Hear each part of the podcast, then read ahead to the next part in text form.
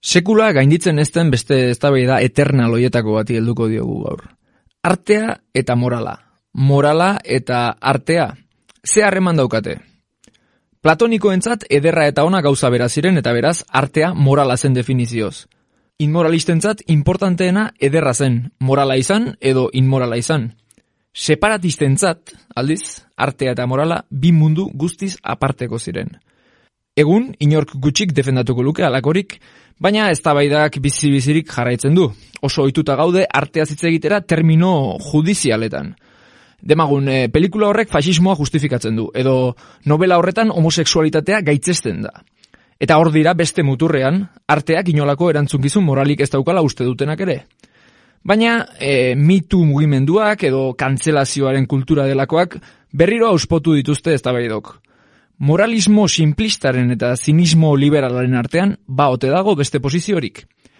Erantzun handirik ez, baina kontu hauei buruzko printza gehiago gaur hemen. Frantziparra aitzarte zorrotzetan txistukari dabilen inguruotan, sakonetan. Frantziparra, motel. Aintzina! Izpidera Adanismoak saiestuz, nabardura, nabardura, Tokian tokiko errealitatera botere harremanen sakoneko egitura. Ezagutza situatua dela Nonde begiratzen duzun da, hauzia? Ikuspegi intersekzionala Azter dezagun hauzia bere Eneo komplexutasunean. gertapenak da xutua Eztabaidaren markoa ezartzen duenak irabazten du. autonomia hauzi Disiplinen arteko arrakaletan atakatu behar genuke. Azken batean Tira, zera, nola esan. Hegemonia da. Nukleo irradiatzaiaren eraginaren Kultura politikoaren Adosa dago, bai, bai, bai, bai, baina... Gorputza zeharkati ezadan. Nire posizioa zera da. Hauziaren dimentsio Plano makro batetik begiratuta. jar dezagun testu inguruan. Sakoneta. Kultur monografia jasangarriak. Sakonetako parajeetan zaude entzule. Hemengo malkar zabaletan kultur monografia jasangarriak eskaintzen dira. Pauso sosegatuz beti. Ni jon ustelai naiz, beste mikrofonen aurrean kepa matxain dago, eta saio hau aitzaki bat da irakurketa bat pixka bat ordenatzeko. Eta bide batez, geure burua ere bai. Eta sinez gaitza badirudi ere, e, Ricardo Arregi sari bat eman digute horregatik. Beraz, lehenbizi, agian eskerrak eman e, entzuleei batez ere, eta bueno, epaimaiari noski, Eusko jaurlaritzari eta Eta ondaingo udalari eta eta Hori da, eta, bueno, bakizue, gu entzule zorretan gaude beti, eta, bueno, gure saria onespen hori da. noski. bai, bai, egia esan eh, oso gustora gaude denok, eh, lehengoan bazkari eder bat egin genuen ospatzeko eta bueno, indarra ematen digu aurrera jarraitzeko eta eta saio gehiago egiteko. Mhm. Eta, bueno, kepak sarreran esan duen bezala, ba, bueno, betiko eztabaida eternal eta maite hauetako bati helduko diogu, mm, segurazki beste behin, ba, erantzun irmorik eh, ez emateko, baina, bueno, uste dugu interesgarria izan daitekela, ba, artearen eta moralaren putzu horretan e, pixka bat jolasean aritzea. Basilikaren parte diren saio batzuetan ere ja jorratutako gaia da, esate baterako. Zelanda berria saioan, egin dituzten lendabiziko bi podcastetan. Gai hauen bueltan ibili dira, naiz eta ba oso e, adibidez zehatzetatik abiatuta egin, ez? Baina sakoneko funtsa azkenean e, antzerakoa da. Bakarrik guk ohi dugunez, pixka bat makrotik begiratuko dugu gaiari. Baina saiatuko gara e, irratsaioan zehar ere adibidez zehatza jartzen eta eta lurrera jaisten pixka bat. Hori da, literaturaren mugetatik arago, ba, zineaz, musikaz, eta abarrez e, arituko gara. Beti ere, ba, bueno, hauzi horri segika, eta pixka bat, ba, arteak eta moralak duten harreman gatazkatsu horren e, inguruan. Horretarako, ba, oiko dugunez, ba, liburu bat hartu dugu, abia puntu bezala, gaurkoan e, Paul Lukeren e, Las cosas como son y otras fantasías, izeneko liburua da. Bai, urtzi gorrikutiko etxeak oraingoan ere barkatuko digu, baina e, titulua gaztelania ez da kasuntan, beraz ez dago zer leporaturik. Mhm. Liburu nahiko berria, esango genuke, urte pare bat, edo izango ditu, asko zailago ez? Bai, anagrama saria irabazi zuen okerezpan nago saiakerena. Hmm. Eta, bueno, ba, esaten e, aipatzen ari garen e, auzi honi, ba, era nahiko atseginean heltzen dio, ez da testu izugarri mardul bat, ez da oso akademikoa ere, baina, bueno, esan bezala, ba, hori, nahiko era atseginean, adibide konkretuei helduz, eta marko interesgarri bat eskaintzen digu, ba, zalantza hauek edo interes hau dugunoi, ba, pixka bat, ba, artea erazpide ezberdinei, ba, bueno, beste begira batekin e, begiratzeko, ez? Ni liburutik e, asteko eta behin ideia batekin gelditzen naiz eta da, hain justu hasiera hasieran aipatzen duen ideia, fabulatxoaren ideia, ez? Berak, e, fabolet, edo italieraz e, aipatzen du anekdota batetik abiatuta termino hori, fabolet. guk fabulatxo bezala itzuli dugu. Eta berak gutxi gara bera, espide du ez, arteari begiratzeko modu bat, e, fabulatxoaren logikan sartuko litzatekena, ez? Zer da fabulatxoa alata guztiz ere? Bueno, fabulatxoa litzateke maitagarrien ipuin bat, ez? Alako zerbait funtxean, ez? E, ikaspen moral garbi bat uzten duen arte obra bat, ez?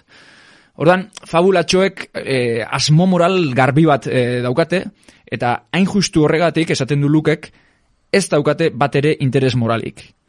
Eta bere galdera da, nola da posible asmo moral ageriko bat daukan obra batek, inolako interes e, moralik, ez edukitzea? Nola da posible asmo didaktiko bat daukan pelikula batetik adibidez, inolako irakaspenik ez ateratzea, ez? Hmm. Bere ikuspegiaren muinean dagoena da, nola baiteko zuri beltz eta irakurketa errazak ies egin eta zalantzazko eremuetan eta grisetan e, nabigatzearen e, interesa a- aldarrikatzen du, ez? Pixka bat, e, berak bertute imperfektuak e, aldarrikatzen ditu, protagonista perfektu eta inungo zalantzarik gabe aldarrikatzeko moduko protagonisten e, horiekin e, kontra jarriz, ez? Eta pixkat hori da berak e, defendatzen duenaren, bueno, ari bat, ez? Nuke. Bai, bai, hori azkenean berak esaten du fabulatxoek bere sinesme moralak ez dituzte lauzitan jartzen, ez? Kontrakoa, e, fabulatxo bat ikustetik, entzutetik, irakurtzetik, ateratzen den hartzailea, ateratzen dela bere balioak, bere ziurtasunak e, alako harmonia moduko batean dituela, ez indarturik. Zergatik gertatzen da hori? Fabulatxoak nahi duelako hartzaileak mastikatzea bere historioko material morala, eta xexe eman nahi dio pure eginda iaia batidoratik pasata, eta hain justu horregatik e, ies egiten dio hortzen artetik hartzaileari. Ez hain ematen dio mastikatua guztia, ba, ba hori ez, ies egiten diola. Bai, pixka bat e, berak dioen esaldi ala, bueno, ez dakit nik azpimarratu duan eta interesgarra iruditzen zaidan bada, ba, bueno, nolabait, alako errelatoek edo alako narratibek, e, bueno, irakurlearen ordez pentsatzen dutela, Bai, eta bai. irakurleak, ba, sentitzea bakarrik e, geratzen zaiola irakurleari, ez? Historia horren irakurketa argia da, evidentea da, ez dauka mm, eztabaidarako tarte handirik, eta soilik kontatu zaion e, fabulatxo hori jaso, eta nola, sentitu, pena, laitasuna, e, danadalakoa sentitzea, besterik ez da okio, ez? Hombre, berak bere izten ditu bi fabula, hori ere esan beharra dago, ez? E, fabulatxo guztiak ez dira berdin, eta berak esaten du badaudela fabulatxo interesgarriak alde batetik, eta bestetik fabulatxo, ba, ez hain interesgarriak, ez? Fabulatxo interesgarria nolabait, ba, bueno, egiten dute lan moral pixutxu guzti hori, ez? Ba, e, hartzailaren ordez, alegia, irudikatzen dute, arrazoitzen dute, kontrastatzen dute, eta fabulatxo azukretuak edo liratekenak, ez? Hain interesgarriak liratekenak, ba, egiten dute baita ere arrazoitu, kontrastatu, baina e, fabulatxo interesgarriek bezain ondo ez. Eta, bueno, edo nola ere biak dira e, fabulatxoak eta hartzaileak bi aukera besterik ez ditu fabulatxo hietako bakoitzaren aurrean. Ea, erosten duen egileak kolpeti transmititu nahi dion e, aldarte egoera hori, alegia negarra, amorrua, gorrotoa nazka, kontsolamendu, azkarra, ea hori erosten duen, edo, edo ez duen erosten ez. Hori da hartzaileak daukan e, maniobra margina, esan dezagun. Bai, zalantzarako tartea nirik ez du uzten, ez? Eta nik uste berak defendatzen duen e, arte horretan, defendatzen duela baita ere pertsonaia ilun eta jarrera okerrak eta era gerikoan gaitzesgarriak dituzten e, horien e, historiak eta kontatzea.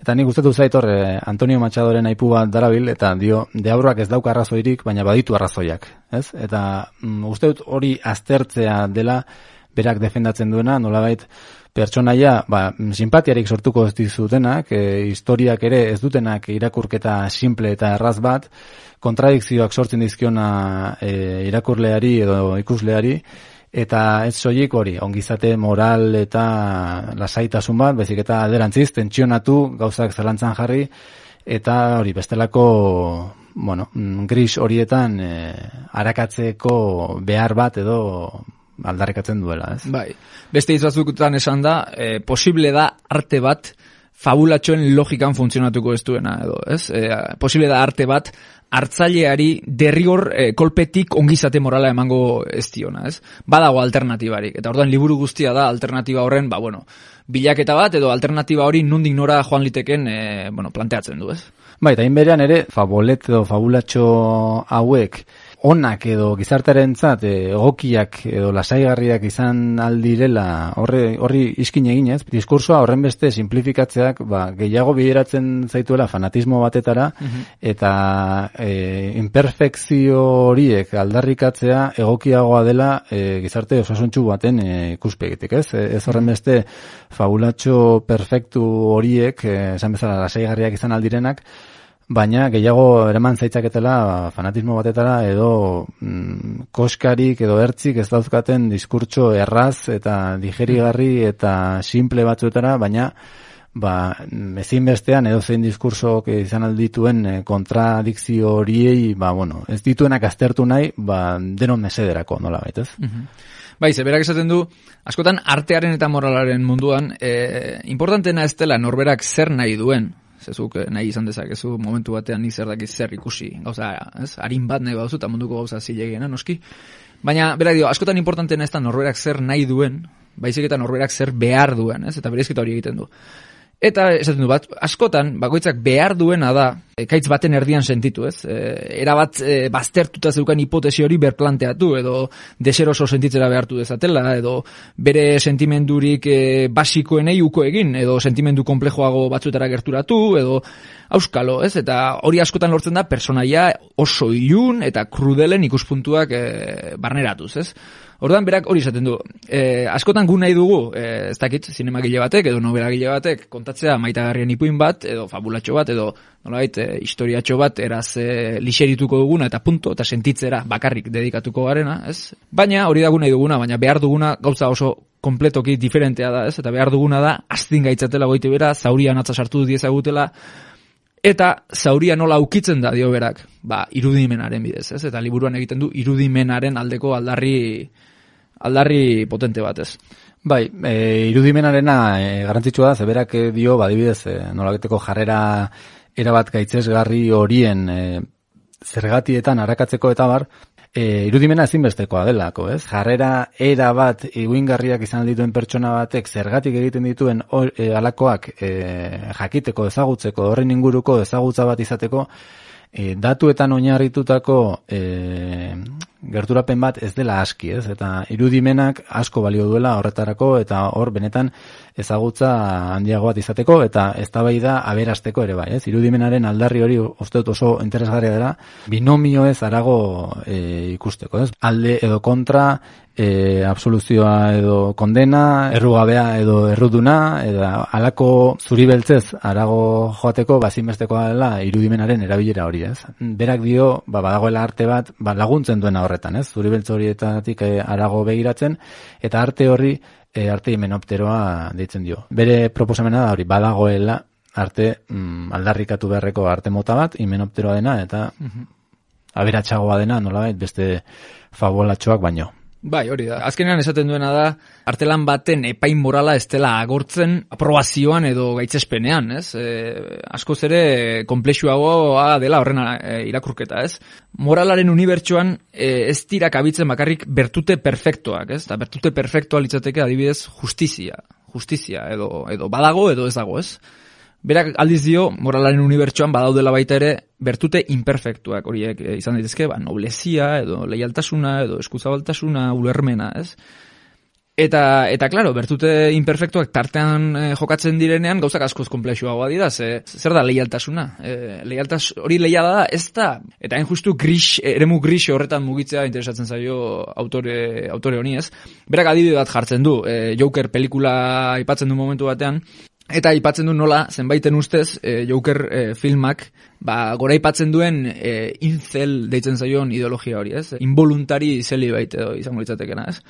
E, hori izaten da, ba, gizon hetero itxuraz, sexualki funtzionala dena, baina emakumeek baztertzen dutena, ba, be, bere ustez, e, modu arroan eta injustuan, ez? Hori litzateke incela edo, ez? Involuntari zeli baitelakoa. Berak esaten du, zenbaitentzat, hori, Joker filmak incel ideologia gora aipatzen duela, Eta noski horrekin batera baita misoginia ere, eta baita zenbait e, indarkeria matxista justifikatu ere, ez? Esango alu bezala, bueno, bai, e, errua beti bestek daukate, eta batez ere errua beti emakumeak daukate, ez? Baina bera ez dago nolabait ados irakurketa horrekin, eta aipatzen du, iritzi hori daukatenek e, morala ulertzen dutela bertute perfektuen uniberso bezala. Esan dugu, bertute perfektua zer dira, ba, adibidez justizia. Edo bada, edo ez da. Modu absoluto batean, ez? Aldiz, irakurketa hori egiten dutenek, arteari ez diote espazio hori ikusten bertute imperfektoen munduan sartzeko.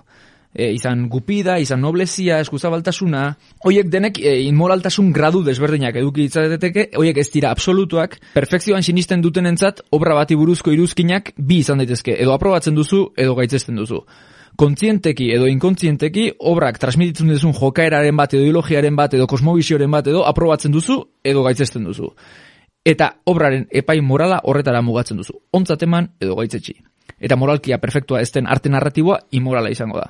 Beraz, Jokerrek incel ideologia justifikatuko luke eta morala onarpenean eta gaitzespenean agortzen denez Joker inmorala litzateke. Aldiz, Lukerentza susmagarria da jendearen bizitza morala sailkatzea kategoria simpletan, absolutuetan, harmonikoetan, perfektuetan. Eta kontrara, gure bizitza morala komplexua dela defendatzen du, ambigua, kontrasankorra, pururala eta imperfektua. Eta, berak esaten du, claro, imperfekzioa aldarrikatzea askotan egoten da pentsamendu kontserbadorearekin lotuta. Hori ere, ideia potentea iruditu zait. Alegia, e, askotan, ez? E, arte lan baten inguruko balio moral imperfektoen aldarria egitea edo konservadoren partetik etorri hori den aldarri bat izaten da. Eta berak esaten du hori ala dela. Eta bera, neurri batean, e, ados dagoela gauza batzuetan konservadoreekin, baina nabardura bat egiten du zertan ados ez dagoen e, e, esplikatuz, ez? Eta berak onartzen ez diena konservadorei da, konservadoreek imperfekzioa onartzen dutela alako etxipen jarrera batekin bezala. Alegia, bueno, imperfekzioan bizi beharra daukagu, esango balute bezala, baina jarrera horren atzean eskutatzen dute resignazio bat, ez? Alegia, imperfekzioan bizi beharra daukagu, baina badago alako...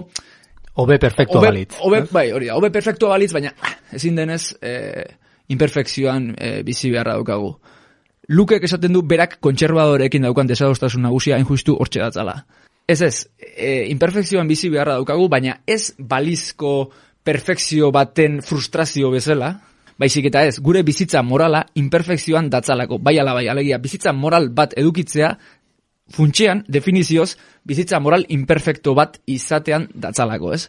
Ta hori da, berak e, kontserbadorekin daukan alderik handiena, ez? Hmm. Orduan berak esaten du, eske ez dauka zentzurik, e, imperfekzio moralen aurrean e, etxita gertzeak, e, hori litzateke ez da, gure besoak egalak ez direlako negar egitea bezala, ez? Eta egan egin ezin dugulako negar egitea bezala, ez? Osea, gure bizitza moralaren komplexutasuna hain justu e, imperfekzio hori da, ez? Eta ez genuke etxita gertu behar bizitza moral bat edukitzeagatik. Postura hauek hartzen dituenean ez da ari e, pai moral bat e, alboratzeaz, ez? Zan dut, e, bai berak dio adibidez badagoela arte iguingarri eta doior bat ez duena betetzen e, asmo hori eta berez ba, bueno, ba, gauzak nola tratatzen dituen edo segunetan nola e, ikuspegia zein den ba izan daitekena inmorala ere bai ez? Ordan ez da epaia baztertzea baizik eta bueno nolabait aberastea. Eta era berean egiten duen gauza interesgarri bat da esaten du mm, norbera lasaitzen duten e, errelatoek ba, pizkat errezeloa sortu beharko liuketela, ez? Pizkat hemen beti norbera auzitan jarri behar dela, eta ez beti ez dakiz zein pertsona gaitzesgarri urruneko. Eta gero badago beste ideia interesgarri bat, erraipatzen du anekdota bat, bidazaleren artekoa eta bar, eta dio, ba, bueno, batek idazterakoan e, bere maskara kentzen zuela e, zioen, ez? Norbera, biluztuko baliz bezala, bere benetako nia, e, agertuko balu bezala idazten e, zuenean, ez? Aldiz, beste idazle batek erantzuten zion berak kontrakoa egiten zuela, ez? Ba, maskara jartzen zuela, maskara ezberdinak jartzen zituela, Era ulertzeko, bestelako jarrera e, gaitzesgarriren zergatiak irudikatzeko, pentsatzeko zergatik izan diren alakoak, zeintzu diren horren erroak, eta bar, eta berak konstienteki maskara bat jartzen zuela, eta idazketa zela maskara ezberdinak jazteko ariketa bat, ez? Eta uste dut, bizkapeak ere defendatzen duela alegin hori, ez? E, Norberaren urrunekoak izan daitezkeenak, edo are, norraren barruan egon daitezkeen bulkada eskutu ilun gaitzesgarri horietan arakatzea mm, zenbait, zenbait fenomeno ulertzeko, ez? Eta uste dut aldarrekapen hori eh, egin beharrekoa dela eta interesgarria dela. Azken finan zer defendatzen du lukek? Artea moralki ez epaitzea edo epai morala eta estetikoa beiztea? Ba, ba ez, ez da hori, ez? Defendatzen du artearen eta moralaren arteko ez da ematea, baina termino imperfekzionistetan. Alegia ez saiatzea erortzen klase guztietako binomioetan, ez? Edo errudun, edo errugabe, edo justua, edo injustua, edo ez dakit, ez? Berak esaten du, arteak alboratu beharko lukela justiziaren ideia. Eta artistak izan dezakeen e, jarrerarik okerrena, e, bere ustez da, bueno, esaten dugu gaztelaniaz, kargarse de razones, ez, esaten du, ez. Eta orduan bere burua defenditzen du imperfekzionista bezala. Claro, berak esaten du, posizio hori defendatzen baduzu, leporatuko dizute. Alde batetik, perfekzionista manikoek esango dizute monstruak humanizatzen ari zarela. Eta beste aldetik, liberal zinikoek esango dizute xermoilari moralista bazarela. Orduan, bi aldetik jasoko duzu egurra, baina aldi berean berak esaten du posiziorik interesgarriena hori erdi erdibide hori defendatzea da ez delako erdibidea baizik eta erdian dauden kris guztiak defendatzea delako ez, ez da distantzia bat baizik eta baizik eta nabardura defendatzea. Mhm. Ados, eta bueno, nabarduratan e, murgilduko gara gu ere, eta kris horretan e, arakatzen e, saiatuko gara, eta bueno, Paulukek berak egiten duen moduan, eta liburua gomendatzen dizuegu, e, bo, adibide konkretuak e, aztertze izango da interesgarriena, eta bueno, ba horretan e, hasiko gara jarraian, baina aurrez agian e, musika pixka bat hori da. Zuekin, Joseba Irazokiren e, kantu itzel bat.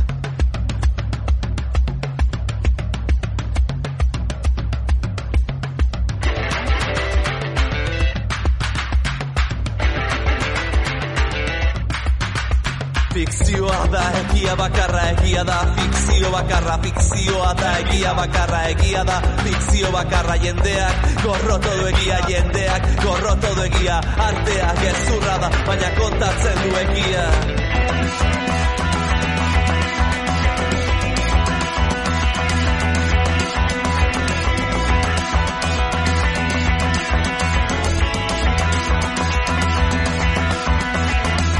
Artea ez da museoetarako, ez da egia ere. Iraganak irauten du, baina historia ez da egia. Dena da posible, ta deus ez da egia. Dena da posible, ta deus ez da egia. Edo badakigu egia, eta dena da nahasmena. Edo badakigu egia, eta dena da nahasmena. Ametsak dira egia bakarra, ametsak dira egia bakarra. Hor sortzen da, errealitatea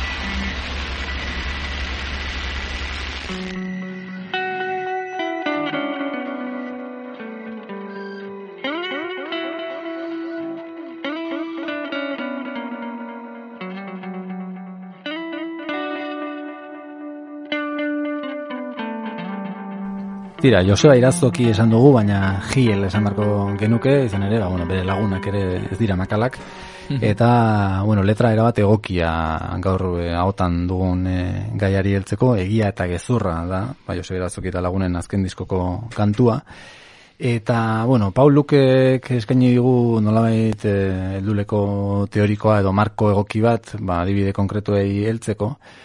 Eta berak ja, bigarren kapituloan e, erabiltzen duen, o, aldarrikatzen duen figura da Nick Cave, ez? Nick Cave, kantari australiarra. Eta, bueno, izan ere, ba, Nick Cave bai, bueno, ba, disko konkretu bat, da Murder Ballads izenekoa, eta bertan, ba, bueno, bailtzaile, bueno, nola gupida gabeak eta haien izenean kantatzen du, haien, e, bueno, nola narratzailea edo hiltzaile horien e, e, eskuti dator, eta, bueno, ba, hori konfliktiboa izan daiteke, horrek zer interes duen edo, edo bueno, nola aldarrikatzeko ote den edo gaitzesteko ote den, alako zerbait egitea, ez? Marder balatz horietan egiten zuena.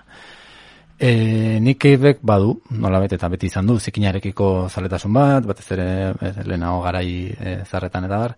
Eta, bueno, berak, e, Paulukek aldarrikatzen du, ba, berak dio nik keibek, ba, irudimena erabiltzen duela, eta arte imenopteroa dela egiten duen hori, jartzen delako, ba, bueno, hiltzaile horien posizioan, eta bar, eta horrek inondik inora ez duela aldarrikatzen, ba, bertako protagonisten ekintzak, ez, ez dituela mhm. justifikatzen. E, interesgarria da, eta nik uste ados egotekoa dela, baina, bueno, niri liburu erakurtzen nuen enean, e, nik keiben e, kasu horrek eramaten induen kasu oraindik muturreko batetara, ez? Ni musikazalea nahi zen enean, e, badago delako genero batzuk musikan, ba oso, um, bueno, oso oikoa dena, oso errotuta dagoena musika estilo batzuetan, ba, figura horieten, bueno, arakatze moduko bat, ez?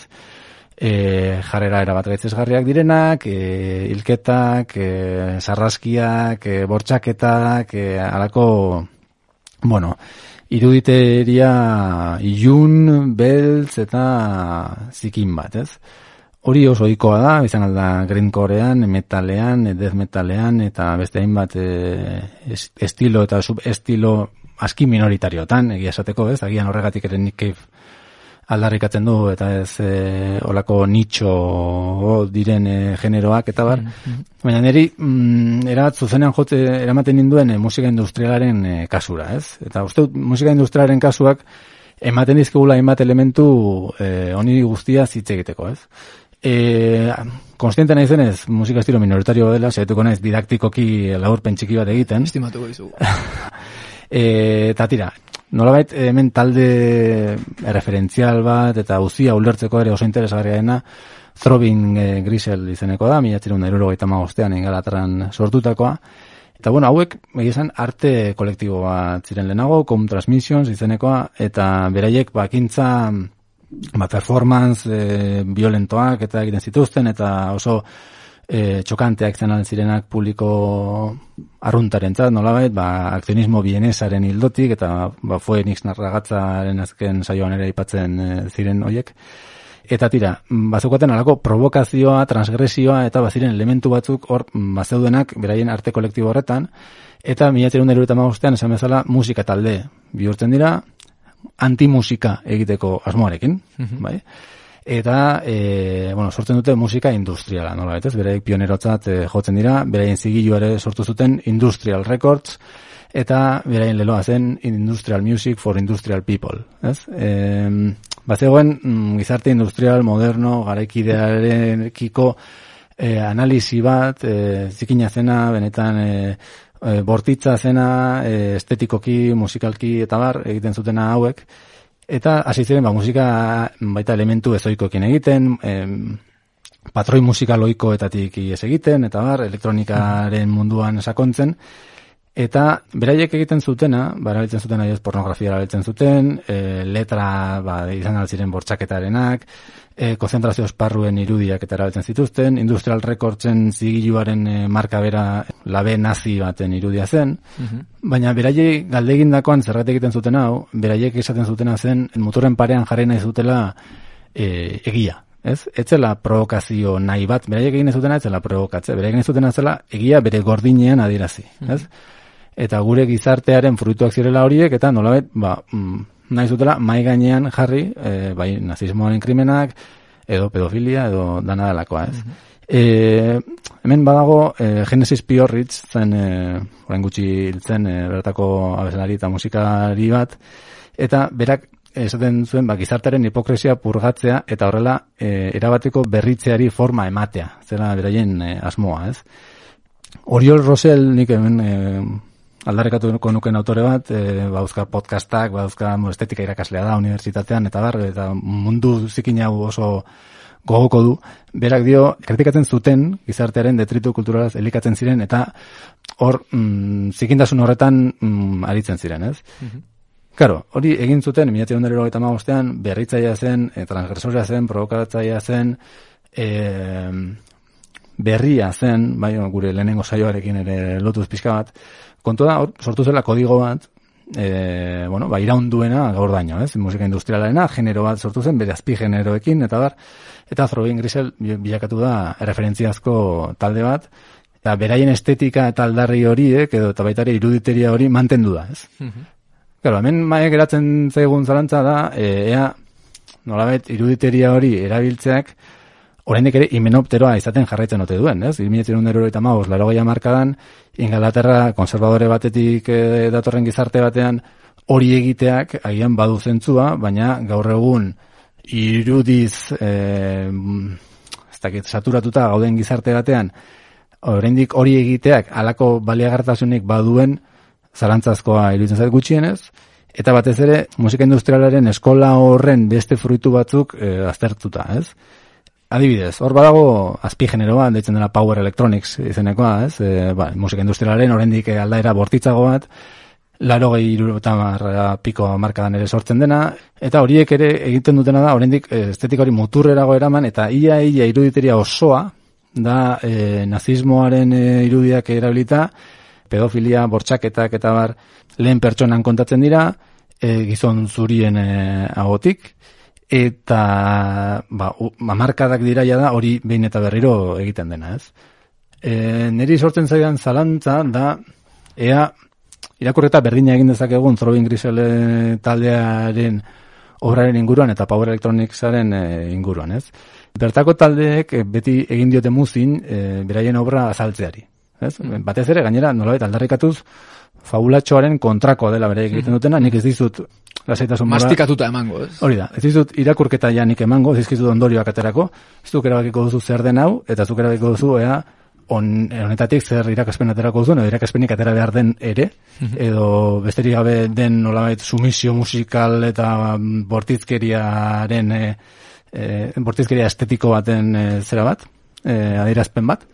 Karo, Iritzen zait, eh, flojo xamarra, eh, batez ere bere nolait, ardura politikoari dagokionez, ez, ikuspegi horretatik.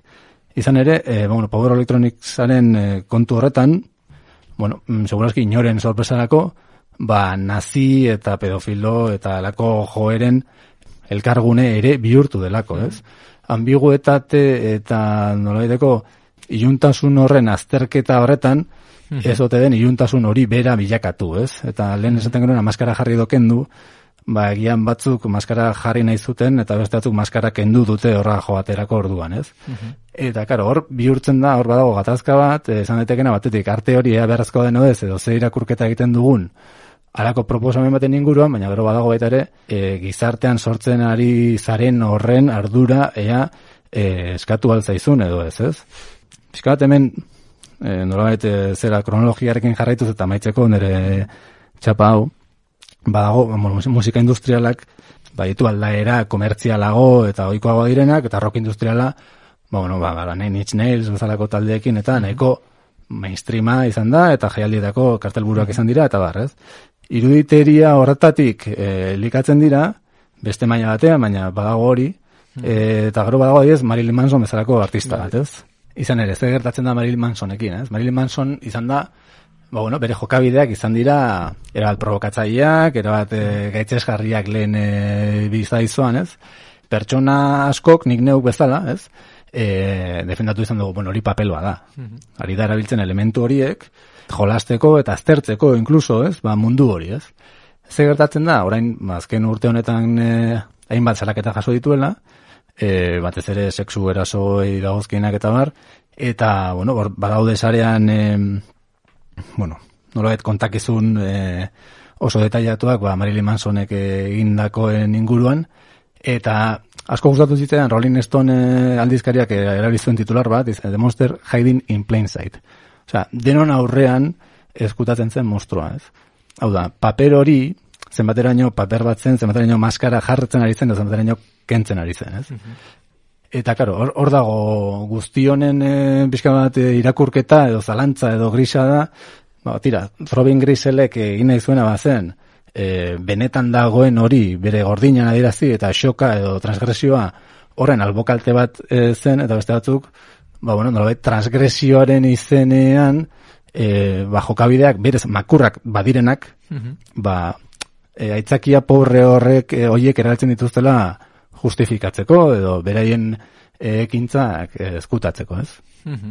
Bueno, oso interesgarria eh, esplikazio guztia nik argi urtetara daukat rollo guzti hau eta orduan zaila egiten zait eh, iritzi bat ematea. Ez, entzun dizudanagatik, uste dut hau Paul Lukek esaten duela bere liburuan, bi begira da motarekin eh, begiratu dezakezu arteari, ez? Alde batetik jar dezakezu enfokea ekintza moralean bertan eta pentsatu pelikula honek eh, balio hau e, goraipatzen du, ala bestelako gaitzesten du, edo, edo bortxaketaren apologia egiten du, edo ez dakizen kubritzen du, ala beste begirada da, begirada imperfektua nahi baduzu, niri interesatzen zait, giza makinaria osoak nola funtzionatzen duen norbaitek beste norbait bortxa dezan gertatzeko, ez? Niri printzipioz bigarrena interesgarriagoa irutzen zait, e, lehen da bizikoa baino, ez? Baina egia da, esan duzun bezala, kasuak egon daitezkela, eta nik ez dakit.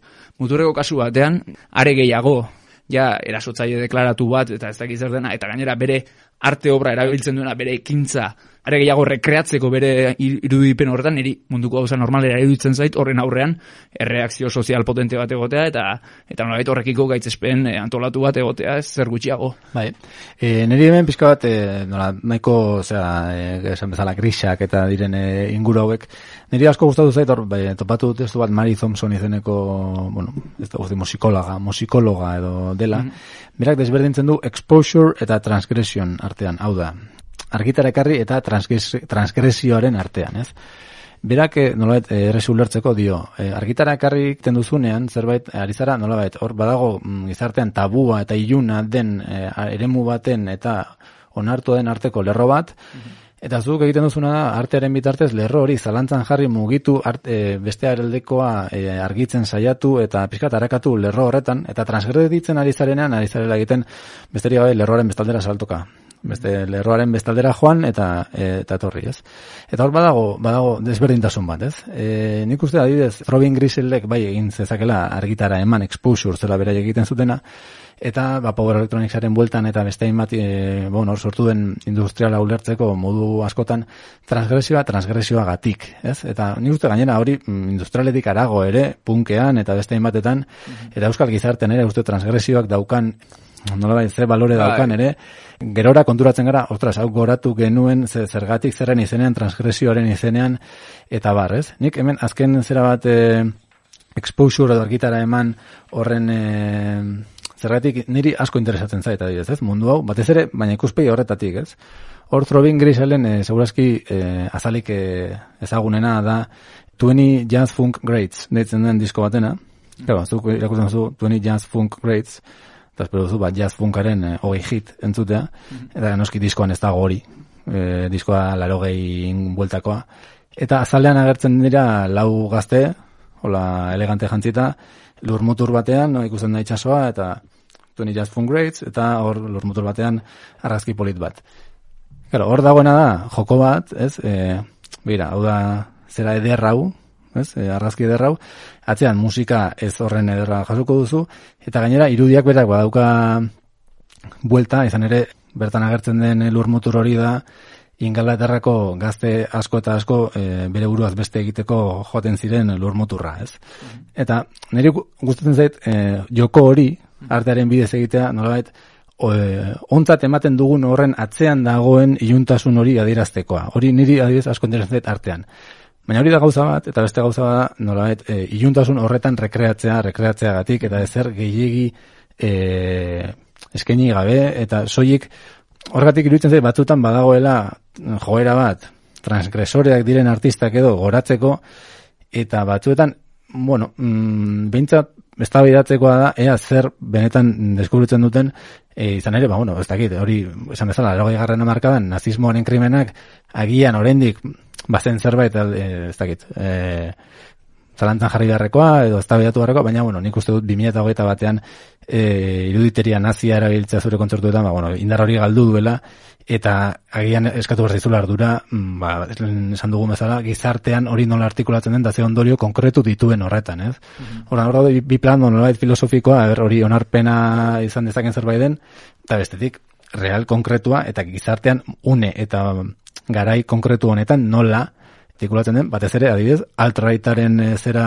denean, ambiguetate, ironia, eta zera hori guztia, ez?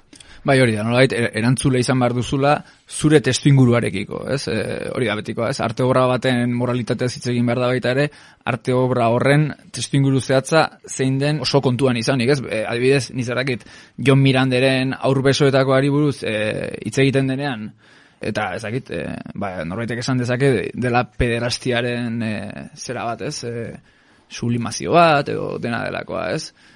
ezagit, ni printzipioz adidez ez ausartzen hori hori esatea, bueno, orokorrean kostatzen zait, eta hontaz ere hitz egin dezakegu nahi baduzu, baina nik orokorrean kostatzen zait arte obra bat ikusi, eta hori zerbaiten sublimazioa dela aipatzea. Irutzen zait, irutzen zait hori afirmatzeko elementu asko egon barutela mai gainean, nolait oso evidenteki horrantz zaramatzatenak, ez? Baina bestela arte bat ikusi eta segituan sublimazio edo edo apologia terminoetan hitz egitea asko asko kostatzen zaidan zerbait da. Esan dizudanagatik normalen ez diodalako arteari begira da e, paile horretatik e, begiratzen. Bai, beste kontua da baita ere, e, adibidez Paulukek e, nolait egiten duen irakurketa pizkat razionala ere bada, eta nik uste badagoela beste arte mota bat ere, eta adibidez, nire den industrialaren joera batzuk ere badute hortik, ez, ez dutela, hain, hain zuzen, bizka bat, razionala izateari muzin egin nahi dutela, eta tripetara zuzendutako e, arte bat dela, ez? E, adibidez, bizkat, Pauluke erabiltzen duen e, adibide bati helduz, berak aztertzen du, ba, bueno, famatua den estena bat, e, irreversible filmekoa, Gaspar Noe frantziararena, Eta bueno, segurazki ezagutuko duzu, agian ikusi duzu, eta badago estena bat, ez dakizema minutuko den, zortzi minutu, uste dut, dela, bortxaketa batena, e, zortzi minutu, zeten gabe, bortxaketa bat e, agertzen dena, ez? E, noski, e, estena polemikoa izan zen bere garaian, e, zinetatik jaialdietan eta jende atera egin zen, eta bar, eta ni hemen ez nago ados, berak egiten duen irakurketarekin. E, liburuan dio, e, bueno, ez badakizu, Monika Belutxi da bortxatua, ez? Eta, e, ba, bueno, Monika Belutxi beti izan da gainera arketipoa ba, emakume sexiarena nola baita, ez? Eta pelikulan ere, ba, bueno, e, estena horretan, ba, erropa pegatua eta nola baita iradokitzaia edo sexia dauka. Eta Paulukek dioena da, ahi ez, irreversible pe, pelikula iguingarri bat iruditzen zaiola, e, hain zuzen ere, estena horretan egiten duena delako, bortxaketa hori erabili, e, nolabait, gizonen e, libidoa estimulatzeko edo Ba, ek, exitatu nahi duela, ez? No, ikuslea exitatzeko gogo bat dagoela, ez? Ni era bat harrituta geratu nintzen, hori irakurri mm-hmm. nuenean, mm -hmm. pelikula ikusta daukat, eta nik uste pelikula hori dela, segurazki, mm, tripa gehien naztu dizkidan filma, mm -hmm. edo gehienetakoa, ez? Asiera beretik, mm -hmm. pelikula igual azaldu barra dago. Mm Pelikularen lehenengo estena da, ikaragarri mugitua, kamara mugitzen etengabe oso violentoa, argiak, ilunak, eta mm odola, azten da horrela, eta ritmoa doa pixkanaka jaisten, jaisten, jaisten, eta nola, joko estetiko bat, ez? Bai. Bago, narratiboki azten da oso fuerte eta berantz doa, e, eta tartean e, badago estena hori, ez? Eta nuzet, estena hori dagoela, hain zuzen ere, e, ikusleari ukabilka da emateko tripetan, gaizki sentitzeko, eta benetan gora galea eragiteko. Eta mm. e, ni harritu nintzen, beste ikuspegi hori irakurtze erakorduan, ez? Besterik da, ea, e, bueno, justifikatuta dagoen estena hori beharrezkoa den, edo ez, berak egozten dio, ez daukala e, nahirik, nola bait, pelikulak ez duela nahi ikertu bortxatuta dagoen pertsona bat nola sentitzen den, edo mekanismo horietan zuka ipatutu zuen horietan ere ez duela arakatzen, baina ere berean diot, mm, ez dauka zertan, E, ez dauka zertan hori egin, ez? Hor badago, jo, eskola guzti oso bat, kodigo bat, dakit, gore filmena, beldurazko pelikulena eta bar, edo helen musikan epatu gomezela, ba, nola, eragin fisiko bat eta sortu nahi duena, ez? Zilegi da olako pertsaketa atera biltzea, nik ulertu ezaket e, egoztea matxista dela, ez? Badibidez, e, Monika Belutxi erabiltzeagatik alako figura bat, ala jantzita. Bai, bizkar guztia biztan dauka, ez?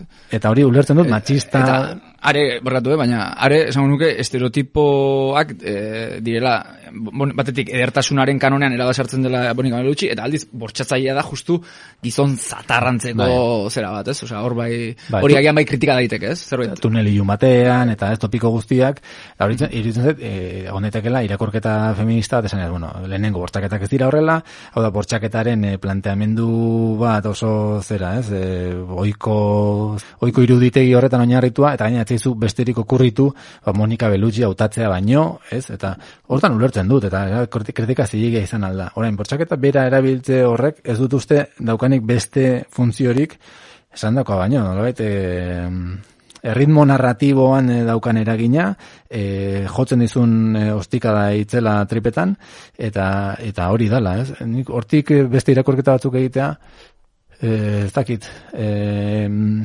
mugak askotan hori, kasuan kasukoa dira, ez?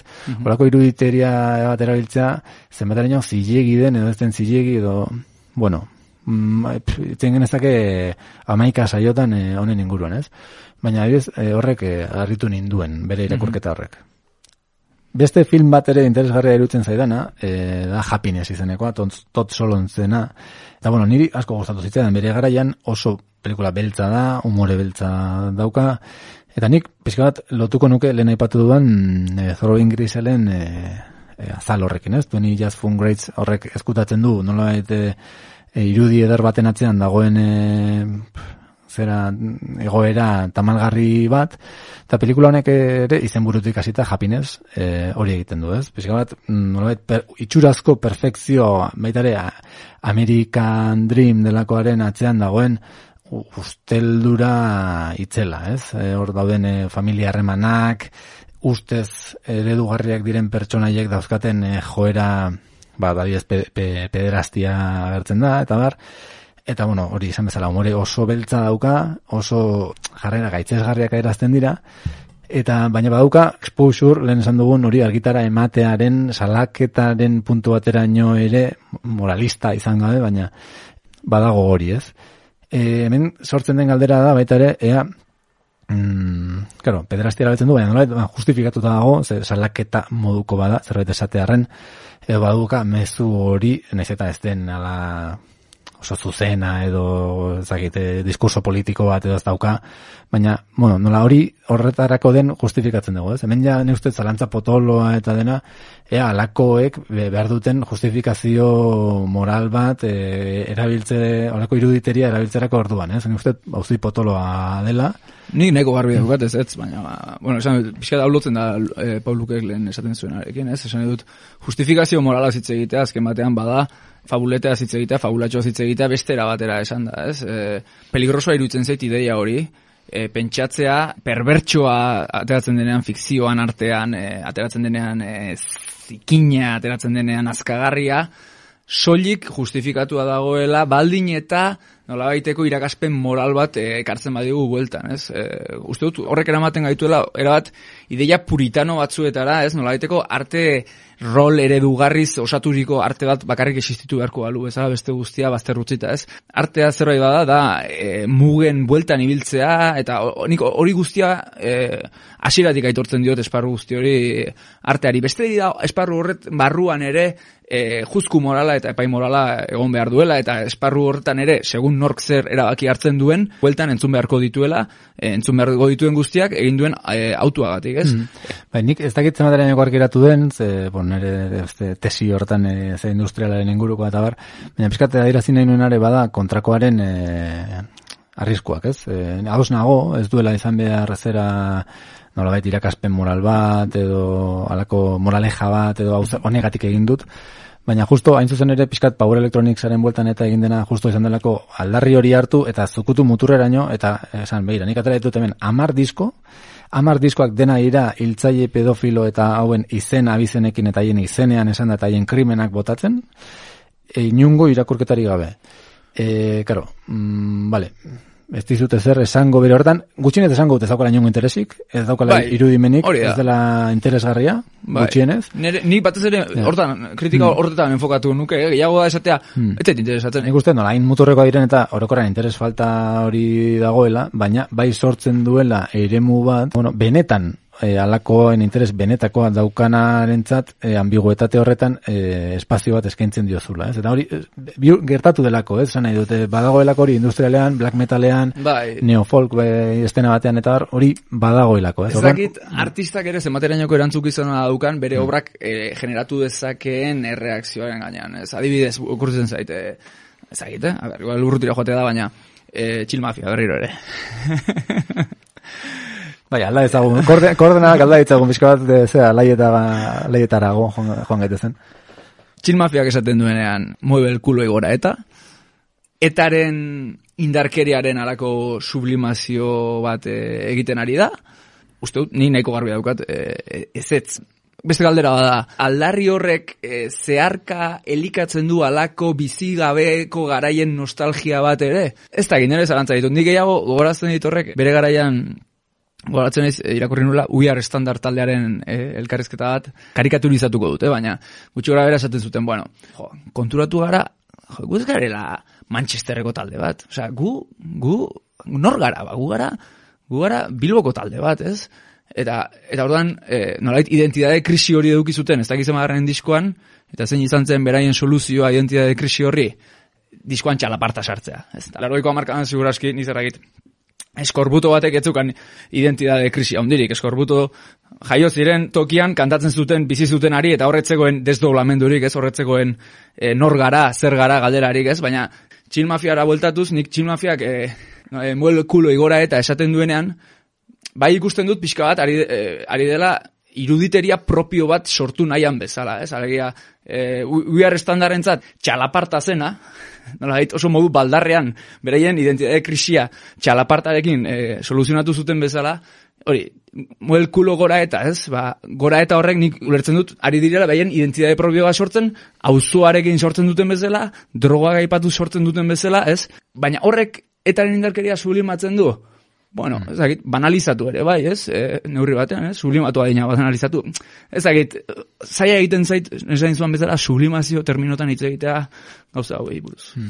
Bai, hor badago gaina gaur egungo hogeita mar e, ironia kapan e, atzean dagoen, e, o, ba ote dagoen zerbait ironia kapa hori ez aparte, ez? Esan hor, dena- dauzkan, ez Bai. bat ironia kapa, ba dena, bueno, e, ez dakit, e, horren arabera ez interpretatu behar da, eta beti dago e, zera hori ere, ez? Aitzaki hori ez, bueno, dena ironia, ironia da, no? dena den ironia, ez? Gaur Bai, uste beraien entzun dira, e, Bai. esaten beraientzat, et, eta meme, Meme, meme, badela, ez? Ni, bai. ni sinisten diet, eh? Osea, bai, uste dut. bai, Bueno, ni uste badagoela, kon, kon, eta hori artean oso interesante da, esan eh, konstiente dira, ez da hau sortzen dutela, eta orduan, zein da beraien postura, hori, ez da hori, planteatzea, Plantea, ez, planteatzea, edo, bueno, ni jarriko dut hemen gauza ambigo hau, eta, bueno, ambiguedade horretan, eh, horrek daukar akastarea, ambiguedade zea horretan, ez? Nik txin mafiaren hauzian, badago beste, zera, interesan, interesante bat, adibidez, txin mafia jaso ditu kritikak, eh, emakume, bueno, txilmafiako parte diren emakumeen e, jarreragatik holtza gainean, ez? Nire interesgarria iruditzen zait hau, ze egon dira ba, sektor, zenbait, sektore feministatatik, eh, egon da kritika hori, ba, beraiek nolabet objektu, emakume florero, objektu eh, izakera hori edo eh, mantentzeagatik edo ustez behintzat ba, kritika batzuk, ez? E, nik hemen, uste dut, mm, printzipioz, incluso positiboa ikusten dut e, emakume horien e, presentzia, batetik, mm, ba, egin beraiek erabaki dutelako hori egitea, eta kontrajarri nahi dut, zenbait fabulatxorekin, adibidez, ba, Fermin Muruzak sortu ahal izan dituen fabulatxoak. Fermin Muruzaren obretan e, e, emakumeek duten papera. Emakumeak izakia da. Hortik hasita, baina adibidez, e, zeatan, ez? E, ikusentzunezko bere obretan, emakumeak dira gizon baten fantasia heroiko miliziana batzuk, aizu, ba, nahiagut ez horretara gizko emakumeak holtza gainean ikusi bere kontradikzioekin eta benetan emakumea izatea gaur egun dauzkan kontradikzio hori guztiak agerian utziz, e, fabulatxo moduko ho- hori baino, askoz o, sanoagoa iruditzen zait, ez? Zentzu horretan uste dut, e, zenbait kritika, mm, bueno, nik ez ditut, ez nago ados bintzat, ez? Bueno, hori lotu daiteke zetangaren kontuarekin baita ere, ez? Zetangara atera zuen argazki ezagun bat jate batean, ez? Emakume zinguratuta eta nolabait bera erdian eta ez dakit emakumeak ba, modu oso objektu moduan eta horrere sortu zen sekulakoa eta bueno, betikoa, ez? E, bai, hor egon zen postura bat, pixka bat, bai, defenditu daiteke, ez? Esan e, emakumeek beraiek ere, e, beraiek erabaki dezaketela nola izan nahi duten sexualizatuak, ez? Eta, eta zentzu hortan, osea, irakurri nuen etatikan, bai interesatu zitzaidan, ondo lehokela jakitea emakume horiek zergatik hautatu zuten, e- eta nondik hautatu zuten argazki horretan egotea, ez? Alegia, zergatik erabaki zuten hor egotea, ala izan zen eh, publizitate kontu bat, edo hor informazio hori interesatu dake horren inguruan pronuntziatu baino lehenago. Nik zetan ganaren e, zea kasua desberdin ikusten dut, e, ez dut txil mafianen arekin, e, uste dut desberdina direla kasuak, Batez ere zetan gana ezagututa, eta txil mafia, bueno, kuadrilla direla, eta emakume horiek kuadrillaren parte dira, eta ateratzen dira, benetan diren bezala, eta eta, eta punto, ez? Nik uste zetan gana, mm, zerbait izatekotan da, e, oso pertsona kostientea zer egiten duen, zergatik egiten duen, eta hor mm, argi dago, estrategiak daudela, bere irudia oso pentsatua dagoela, orduan pixka bat, aitzaki hori ezin nik ez diot onartzen inundik inora ere, ez. Nik zetan ganari ikusten diot, baitare pixka bat, mm, distantzia hartuta noski, beste industrialaren e, transgresore hauek bezala pixka bat e, ezkutatzen dela aitzaki horretan, bueno, e, ez egin e, zera, juzgu moralik nire zera honetan ez, hau da dena, e, jokatzen dut estetika diferenteekin, regetoiaren sexualizazio honekin eta bar, Baina, bueno, ez hemen e, ambigoa da, hau, eta ez, ez e, bota nire gainera lako juzguak, ez? Nik uste zetan gana egiten duela, inteligen, modu inteligentean, e, iruditeria horrekin jolasten du, baina, Eusten zait, nahiko pobrea, edo niretzako abiez, eta bat interesatzen zetan gana, be, musika keuki alduen, musika, ez dakitzen dute, gantxoa izan dezaketea besteko, interesgarria izan aldira, ne bere figura zait interesatzen, ze, iruten zait, egiten duena dela, nolait, uki ezaken aura horrekin jolastu, baina nolait, bere mesedetan provokazioa sortu nahian eta, baina inongo ezer interesgarrerik sortu gabe, aura horrekin jolasteaz aparte. Rekreazio, Eh, autorrekreazio bat. Bai, eta pixka bat, eh, provokatu hemen, beste hemen pixka bat, eta nik badakit irudi honek zer sortuko duen, eta hein horretan sortzen dut, baina ez dauka irakorketa ez interesgarririk ez ezer, eta barkatuko jazu, baina nik eh, Madrilgo tipo batek hemen eh, zera hipersexual batzuk reproduzitzeak eta erabiltzea bueno, figuranteak zentzu horretan gutxienez interesgabekoa iruditzen Bai, niri ere bai, eh? niri bai. Zene, interesgabekoa. Bai, bai, Eh, interesgabekoa, bai. Hain nintzen gehiago rollo moraletik. Mhm. bai, bai, interesa. Bai, eta arga, argazki hori ni iruditzen zait, e, bai, ba, akatsa, zan edo akatsa, eta, ba, ez, ez, ez onargarria, zan edo, bai, Baina, akatsa, moralki esan duzu, edo, edo, inter, esa... erreskeri bat, erreskeri bat, esan eta da, aitzakia berdina heltzen duzu, ez, nola baita, E, ez ez, ni, jar, ni jartzen naiz hemen, eta reproduzitzen dut, zea, e, sexista bat, e, ez bairi gabe sexista dena, baina, bueno, oza, nolabait, provokazioaren ezenean, edo ez ni mozorrotzen naiz horretaz, ez, e, latin loberraren e, figura hori hartzen dut, Bueno, baina, bale, baina nahi duzun guztia, baina egiten ari zarena da, jarri, ogotan neska erdi biluzik zure ondoan. Punto. E, zure aitzaki sasi intelektual hoiek porreak iruditzen zaizkit. E, Ein berean, ba, pertsona batek amar disko ateratzen dituen bezala krimen naziak reprodutzen Bai, bai, eta bai. berdin, zure zea sasi ingo dezun intelektualizazio merke hori, egin dezuna hori da. Bai, bai, bai.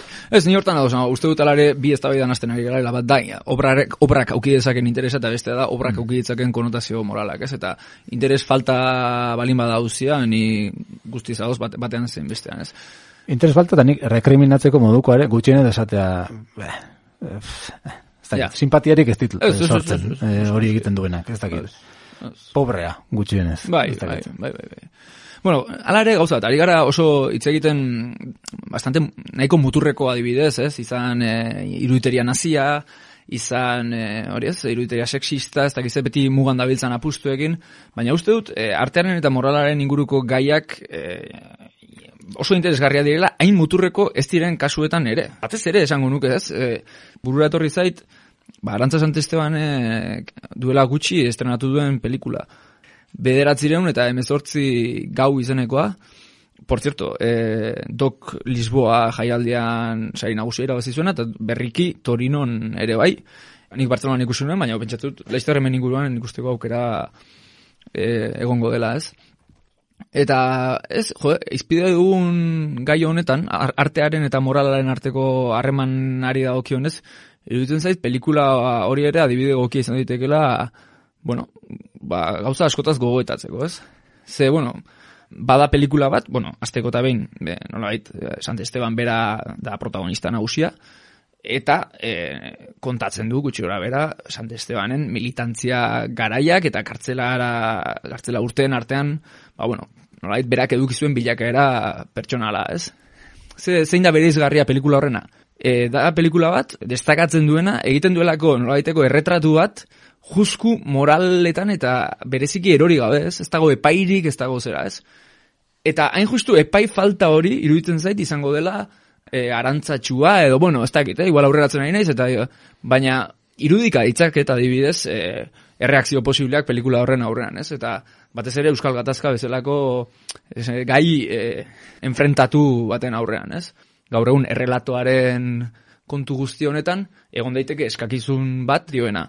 Bueno, hemen dago protagonista bat, ari zaiguna kontatzen bere militantzia urteetan gertatutako gauza bat, beraz, pelikula bat egin badu, espero duena da, pelikula horrek nolabaiteko damua edo edo nolabaiteko zerbait eh, hain justu fabulatxo bat izango duela bueltan ni, niretzat onargarri izan da dinez, eta ez bada kasoi horretan sartzen, nik ez dut onartuko, ez? Ba, pelikula honetan ez dago damuaren arrastorik ere. Ez dago hartutako erabakien gaineko damua, horrela, hitz potolo bezala ez dago alakorik, ez? Ez da salaketarik ere, ez? Ez da salaketarik ere, esan dut beste aldetik ere, irudika dezaket beste kritika, ez? Pelikula horretan, pa, militantearen irudia eta militantearen inguruko guztia ez da bereziki e, indarturik ateratzen, ateratzen ez? Orduan, Orduan honek zergatik egin du pelikula hori, ez? Galdera hori, ez? Bi begira den atzean uste dut arteari begiratzeko eskema bera dago eta hain justu da fabulatxoaren eskema, ez? Alegia pentsatzea, akasuntan pelikula batek amaieran alako azken mezutxo bat eduki beharko alu bezala esateko, ah, bale, irakaspen honekin ateratzen nahi sinematik, ez?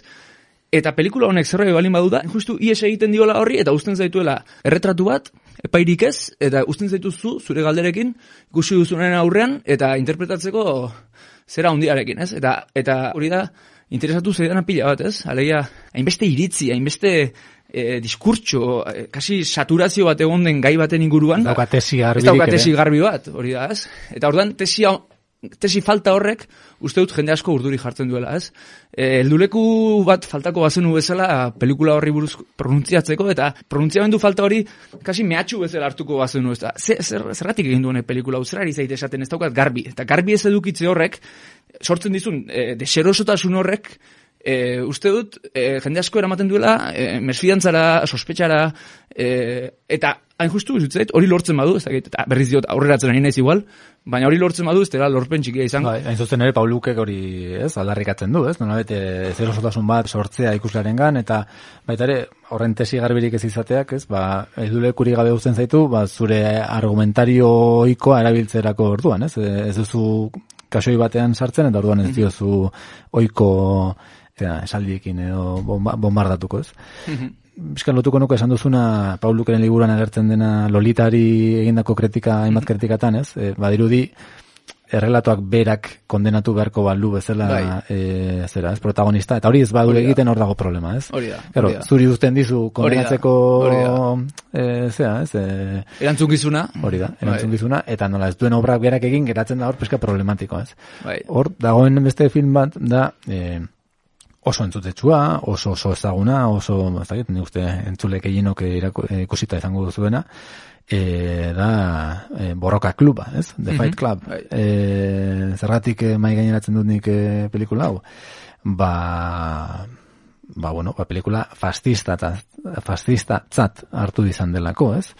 E, hau izan daiteke problematikoa, ez? Adibidez, bueno, a ver, pelikula fascista bat baldin bada, bueno, ez dakit, ikaragarri entzutetsua den pelikula eta zari gara, jende pila batek e, ikusi duena, eta ni pertsonalki basko gustatu izan zaidana, bizitza osoan zehar, eta irakurrita daukal liburua, eta bar, eta bar. Bueno, lehenik eta behin, e, zaraketa horrek badu funtsik, e, bai, ba, dut, e, pelikulak berak e, aurkezten duena, seguraski bada, talde protofascista baten sorrera. Mm Seguraski, bai esan edo zantzu, fascista batzuk, e, uki alditu, e, borroka klub hoiek, e, bueno, egiten da salaketa bat e, kontsumo gizartearena, lehen esan bezala Amerikarra metxarena, pelikularen hasieran eta bar, eta horren soluzioa, ematen den soluzioa da, e, borroka klub batzuk oso maskulinoak, figura batzuk ere, bueno, nolabait, dena suntxitu eta lako tesi, ez, maigen proiektua eta bar. Bueno, ni uste pelikula hori ona dela, Berez ere, delako ikaragarri potentea eta historia ona delako, eta horre ere sartzen da esan dut, historia hori oso iradokitzaia, engatxatzen zaitu, oso ondo erekia dago, e, eta bueno, horregatik da, ez, horren arrakastatxua. Eros, eros dezaket, ez, hor, aurkezten zaiguna, dela talde protofascista baten sorrera. Beste gauza bada, esatea pelikula bero fascista dela. Hmm. E, karo, zen talde protofascista baten sorrera e, pelikula baten bidez adiraztea, naiz eta gero ez den gaitzesten horre egiten dena edo e, interesgarri izan daiteke. Zan dut, inter... Zalantza- zalantzarik gabe horregatik. ikaragarri interesgarri izan daiteke. Eta e, gainera, zu interpelatzen bazaitu, osan, ostras, ni ere zenbaterainoko badoz nago gamin egin diren gauza batzuk, zenbaterainoko ez nun daude mugak eta zer, hortara eraman bazaitu, ostras, ba, Are gehiago. ba, bada lorpen bat, ez? Pelikula horrekin gertatzen dena adibidez, ba, pelikula horretatik e, ate da snowflake e, e, adjetiboa, ba, altraritak erabiltzen duena, ba, nola denaz kexu diren e, woke hauek salatzeko eta bar, Tyler Darden protagonista bada oso hipermaskulinoa eta ba, incel kulturan erabilia den figura bat, Twitteran ikusten baduzu Tyler Dardenen figura, segurazki kasurik ez diozu egin, Vale, ados nago, eta segurazki e, benetako fascismo batek hor ikusi du zera bat, ez? Baina nik hemen Paulukek aldarrikatzen duena ere aldarrikatuko nuke. Hau da, ez dira relatoak egin behar simpleak, Osa, ez dira simplifikatu behar, baizik eta nolabait, e, irakurlea edo entzulea edo entrenatu behar da nolabait esateko, ba, pelikula komplexuago edo ambiguo horietara gerturatzeko, ez? Nire ustez, e, Fight Club mm, artefakto fascista dela esatea gehitxu iruditzen zait. Naiz eta inkluso nahi bauzu, txuk palaniok idazleak, eukitzazken DG batzuk, edo hor erdi, bueno, ez dakit, edo hemendik bi urtetara bat batean fascista bihurtzen da, ez? Elementu horiek badaude hor, bai? Baina, karo, elementu horiek artefaktu kultural batean topatzeak ere badu oso interesa handia, esan nahi dut, fascismoa bera ulertzea ere, e, gauza oso, inter, osea, oso beharrezkoa, interesgarria, Bai. iradokitzaia da, ez? Eta pelikula hori, uste dut, mm, badela horren erakusle, eta problematikoa da noski, e, maskulinidadearen e, toxizidadearen e, adirazle aldarrikatzen du, ez, aldarrikatzen badu ere, bueno, balio, ez dakit, hor dago ambiguedade oso oso iradokitzaile bat nire ustez. Bai, bai, baina, esaten ari ginen guztia, hone guztiak oinarri du Paul Lukeren berizketa hori, esan dut, bertute perfektuekin, ala bertute imperfektuekin begiratzen diozun pelikula bati, ez? Eta bertute perfektuekin begiratzen badiozu, gauzak asko simpleagoa dira, eta gauzak badira ala ez dira, eta pelikulak fascista dira edo ez dira, eta baloreak eh, goraipatzen dira edo ez dira goraipatzen, ez? Baina ba- bertute imperfektuen begira batetik gauzak oso bestela ikusten dira, ez? Ordan horregatik diot, ez zaizki ala berezik interesatzen horako irakurketak ere, esan dut, pelikula hau fascista da dionari ere ez dakit zenbaten nainoko hau emango nioken, ze, esan dut, edo oso pelikula txarra da, eta orduan beraz bai fascista da, esan dut, eh, Hori, ez du lortzen Ez du arakatzea hor ambigua horretan. Bai, edo bestela segurazki zaila izango da pelikula hori fascista bere horretan izatea. Ez izango du grisak egongo dira tartean eta seguru fascista dela esatea baino irakurketa interesgarriago egin daitezkela pelikula horri buruz. Ez dakit. Nik honekin lotuko nuke, eta baita maitzegatik ja zea honekin, Adibidez, ez, el Club de la Lucha, Fight Club, e, zera, txuk palaniuk idazlearena da, Mhm. zakitzu, baina ni uste dut nire generazioan eta zarragoen artean egon zela alako liura bat, mm, olako idazle zikinekiko, Mhm. ba, ez daiteke txuk palaniuk, e, Bukowski, Irving Wells, Mhm. beste, mm, Jojo Lebek ere sartu genezake, Bai, igual beste bai. ze batean. Eta musikan ere, balen aipatu duan, larogoi amarkadan egon zen zea hori, larogoi eta marra amarkadan ere egon daiteke zikintasunaren aldarri batzuk, noiz rokean eta bar.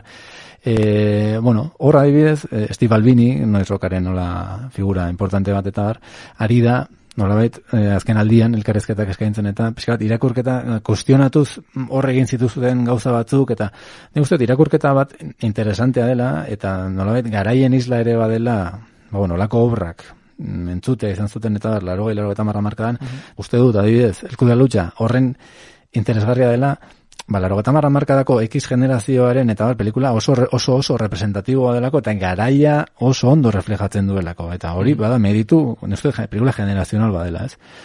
Hori da gauza bat, eta ulertzea nola sortu ziren gauza horiek, eta beste gauza da, mm, irakurketa kritiko bat egitea gauza horien inguruan ere, zenbaterainoko erainkorrak izan ziren, zenbaterainoko ez, zenbaterainoko baliagarri diren gaur egun. E, Mary Thompsonen aipatu duen musikologa horrek aipatzen du, ba, noizarekin gertatzen dena, ez? Noiz musika, batetik ez oksimoron badela noiz eta musika, ez? Zan, zarata baldin bada, zer, e, musika ez dena, noiz musika zer da, e, zarata musika ez dena eren musika, ez? Hori koroko gure lagune jotziko dugu hori da. Baina, hor- e, horregatik etengabe moldatzen joan bartela, ez? Transgresio provokazioaren zera horrek, ba, molde zarrek ez digute balio, ez?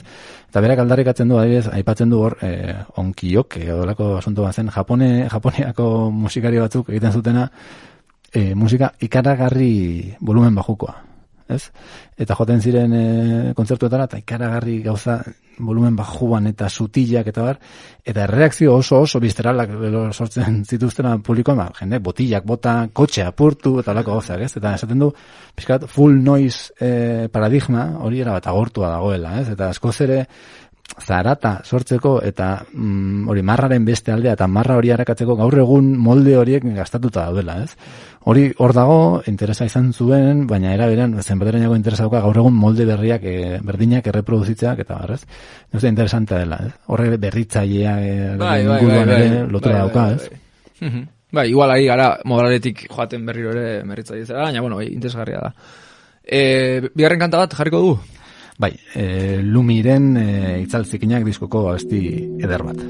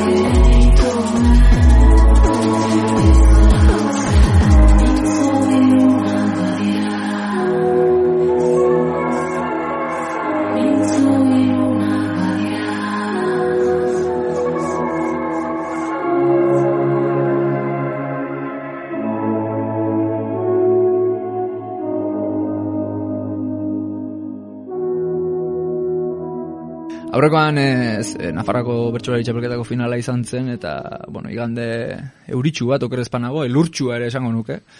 Moentxe okurritu zait, e, ekarzitekela gai hori ere izpide dugun beste honetara, ez? Eta egit, zalantza hundia ditut orokorrean txapelketan agusitzen den bertsolaritza ereduarekin.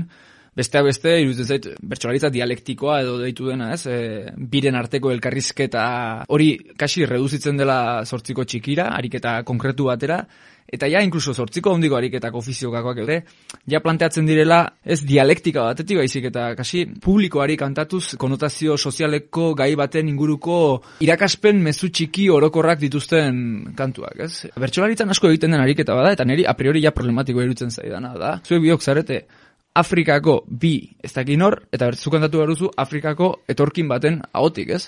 Zu, e, ez dakit, gizon, gipuzkoar, furgonetadun, bezala, aritzea Afrikako etorkin baten ahotik, bertsolaritzan etengabe e, egiten den gauza bada, bazterreko pertsonaietatik etengabe kantatzen da, ez? Hori guztia gainera, itzultzen bada, nolabaiteko fabulatxora gerturatzen diren e, bertsoetan, Uf, ez dakit, ari- ariketa arriskutsu izan daiteke, denok saioaren bukaeran etxera joan gaitezkelako pentsatuz, ai, ze, ze pertsona ona garen, eta nolabaiteko kontzientzia lasaigarri bezala, ez? Eta gainera hori guztia, esan dizuan bezala, bertxomolde erabat ez dialektiko batean. Ze dialektikak zerbait balin bazeukan, zen, bueno, entzuleari ematen dizkiozu bi ikuspuntu, eta gero entzuleak atera ditzala bere ondorioak, ez? Aldiz, ja, elkarrizketa hori eliminatzen baduzu ekuaziotik, e, entzuleari mezu itxi bat, konkluso bat ematen ari zara, ez? Pure egindako mezu ematen ari zara, eta eta norabide bakarrekoa, eta entzuleak jasotzen du hori, eta fa- fabulatxo horrekin doa etxera, ez? Baita ere, igual, faltan bota genezake, Euskaldunok ere, ere burua ertzean kokatzeko zaletasuna handia daukagulako, kuestionamendu bat, gu geu ere zentroan kokatu eta zentroaren problematizazio bat, ez, geure posizioen pro- problematizazio bat, asko zerrazagoa delako, geu ere, mm, beti ere, ertzeko figura baten e, papelean jarri, eta, ez, ba, baina onartu Erabat. eta diskursoak e, reproduzitzen, ez.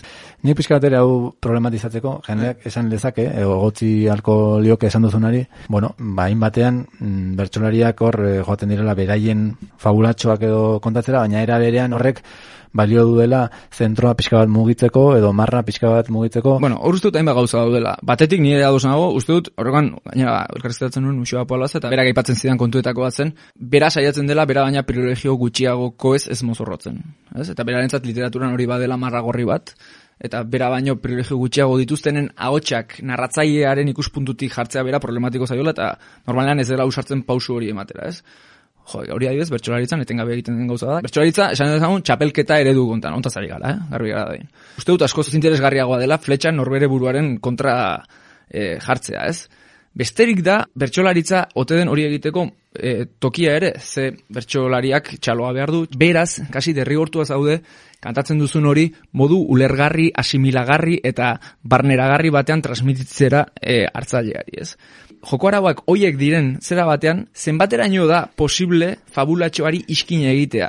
Bertsolaritza dialektikoan sikiera, e, bi ikuspuntu dauden ez eta bar, hartzaileari etzaio ondorio itxi bat ematen, eta hartzaileak badauka e, eman den elkarrizketa hortatik, material horretatik bere hartu, bere egin, eta berarekin eramateko gaitasuna nahi bada. Aldiz, elkarrizketa ezabatzen duzunean, eta norabide bakarreko eta aurrera begirako e, bertsolaritza nagusitzen denean, hor, mezua bakarra da, unidirekzionala da, e, bertsolaria ari zaio hartzaileari kantatzen zuzenean, eta hori ez zait iruditzen zalantzarako, autokuestionamendurako eh, erramientarik egokiena, autokuestionamendua zalantza gehiago lotzen dudalako hain justu fabulatxotik ies egitearekin eta halako artefaktu ireki eta zuk atera zure ondorioak esaten dituen batekin, eta ez hainbeste itxita eta ondorioak xe-xe ematen dizkizun zerbaitekin, ez?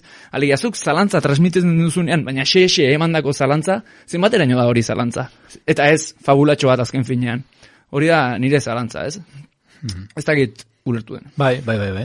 Bai. Eh, ez dakit, beste adibiderik edo kurri Ez, ni nemilen pixka pentsatzen guzti honetan, e, ez dakit, euske, uste dut fabulatxoaren ideia honek ukitzen dituela, sakonetan aurrez landu ditugun gaiak ere, kritikaren gaia ukitzen duela, eta berritzailearen gaia ere ukitzen duela, ez?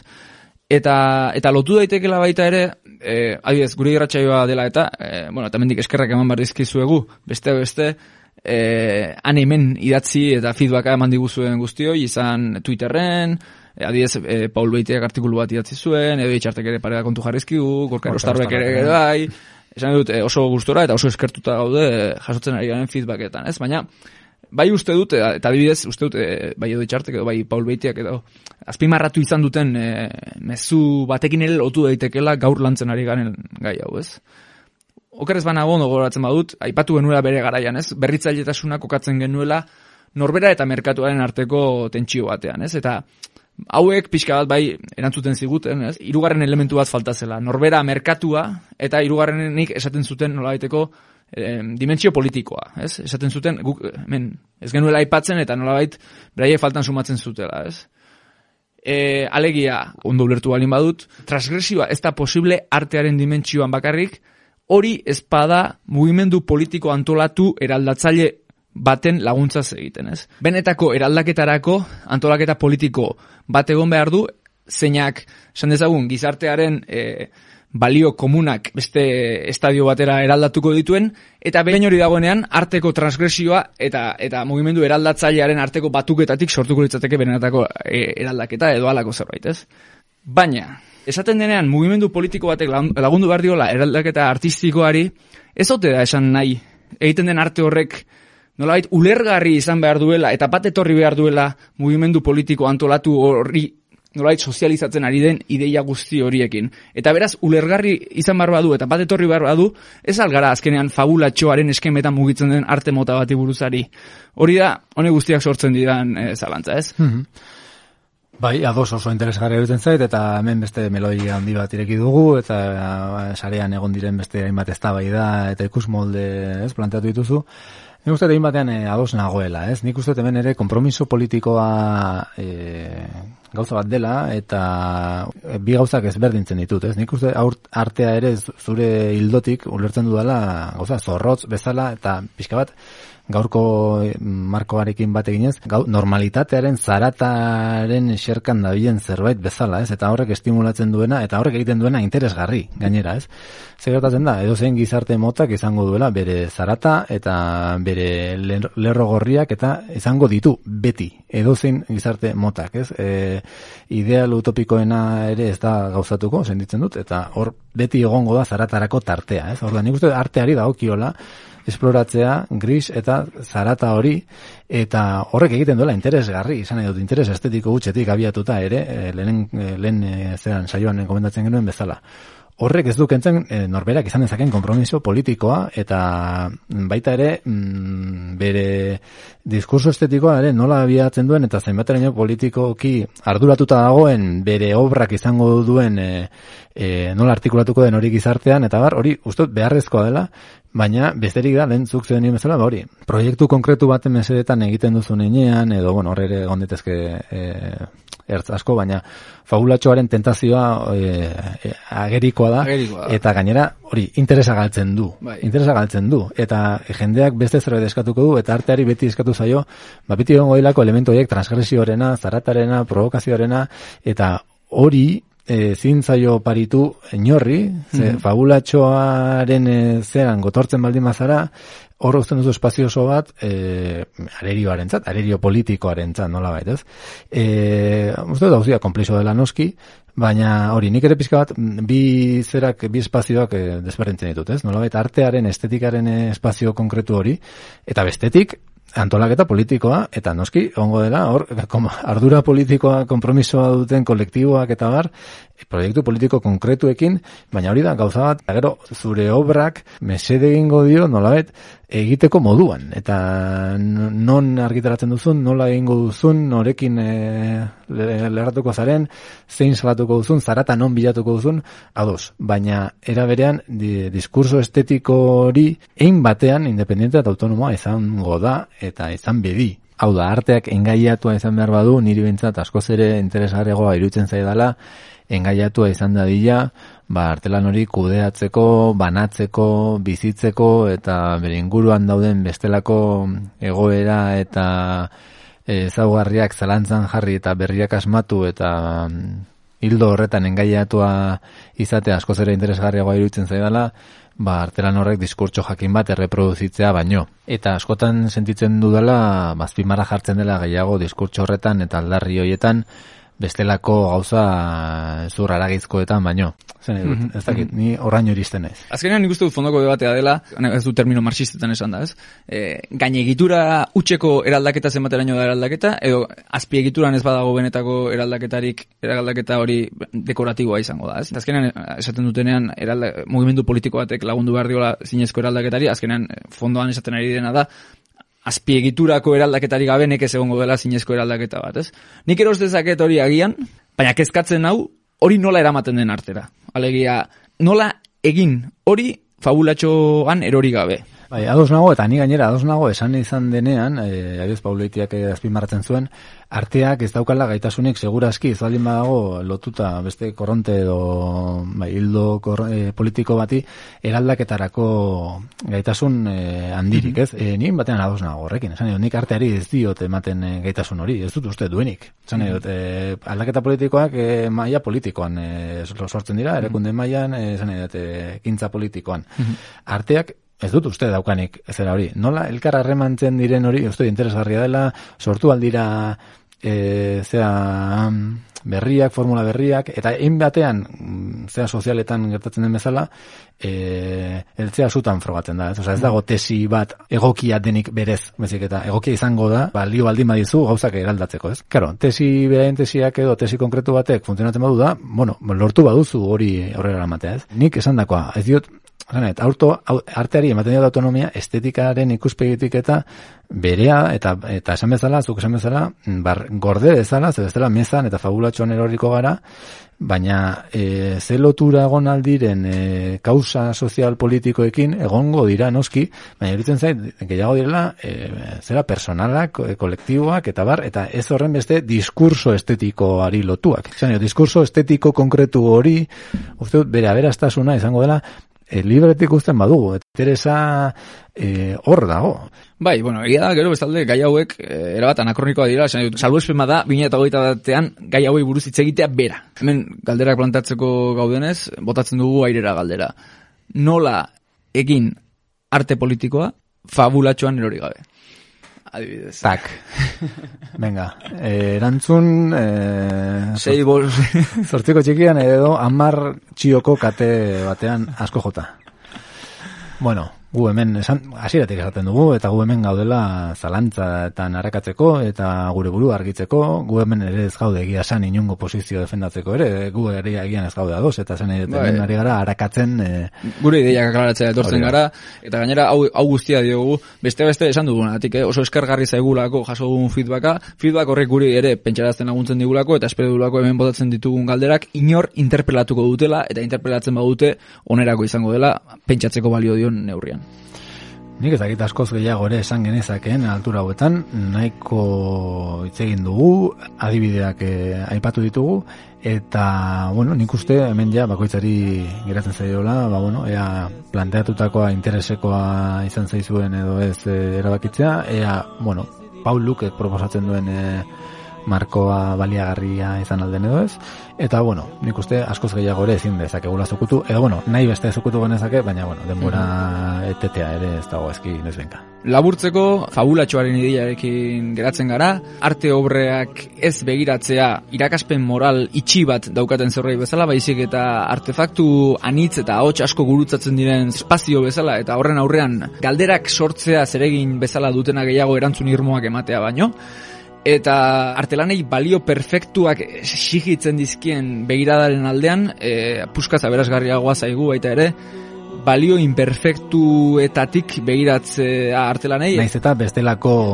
ba, ikuspegi batetik eraikitako obrek beti izango duten espazioa, eta ez garen ari esaten, nolabait, erraz eta hau jarraitzen ez duten e, obrak e, ez dutenik e, interesik, ez?